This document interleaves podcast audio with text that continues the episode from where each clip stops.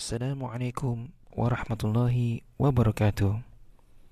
Alhamdulillahi wassalatu wassalamu ala imamil mursalin Nabiina Muhammadin wa ala alihi wa sahbihi ajma'in. Amma ba'du. Kaum muslimin dan muslimat yang semoga dirahmati Allah Tabaraka wa ta'ala Mari kita lanjutkan keutamaan bulan Ramadan yang berikutnya. Keutamaan bulan Ramadan yang ketujuh adalah Melaksanakan ibadah umrah di bulan Ramadan seperti melaksanakan ibadah haji bersama Nabi sallallahu alaihi wasallam. Hal ini berdasarkan hadis Rasulullah sallallahu alaihi wasallam yang dimana beliau bersabda kepada seorang wanita dari kaum Ansar.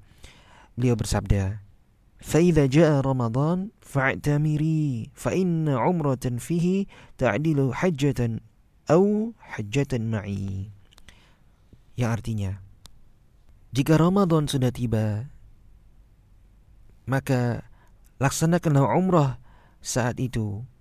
Karena umrah di bulan Ramadan senilai dengan ibadah haji atau seperti melaksanakan haji bersamaku yaitu bersama Nabi sallallahu alaihi wasallam.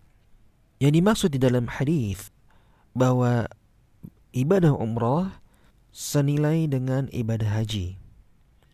Al-Imam Nawawi rahimahullah ta'ala mengomentari hadis tersebut dengan mengatakan Orang yang melaksanakan umrah di bulan Ramadan akan mendapatkan pahala seperti pahala haji.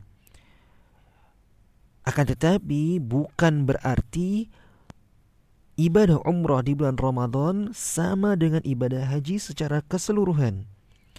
Sehingga jika ada orang yang sudah mempunyai kewajiban untuk melaksanakan haji, lalu ia berumrah di bulan Ramadan, maka umrah dia yang dia laksanakan di bulan Ramadan tersebut tidak bisa menggantikan ibadah haji yang sudah menjadi kewajibannya. Dan keutamaan yang telah disebutkan untuk seluruh kaum muslimin. Demikian keutamaan bulan Ramadan yang ketujuh Semoga Allah memberikan taufik kepada kita semua. Wassalamualaikum warahmatullahi wabarakatuh.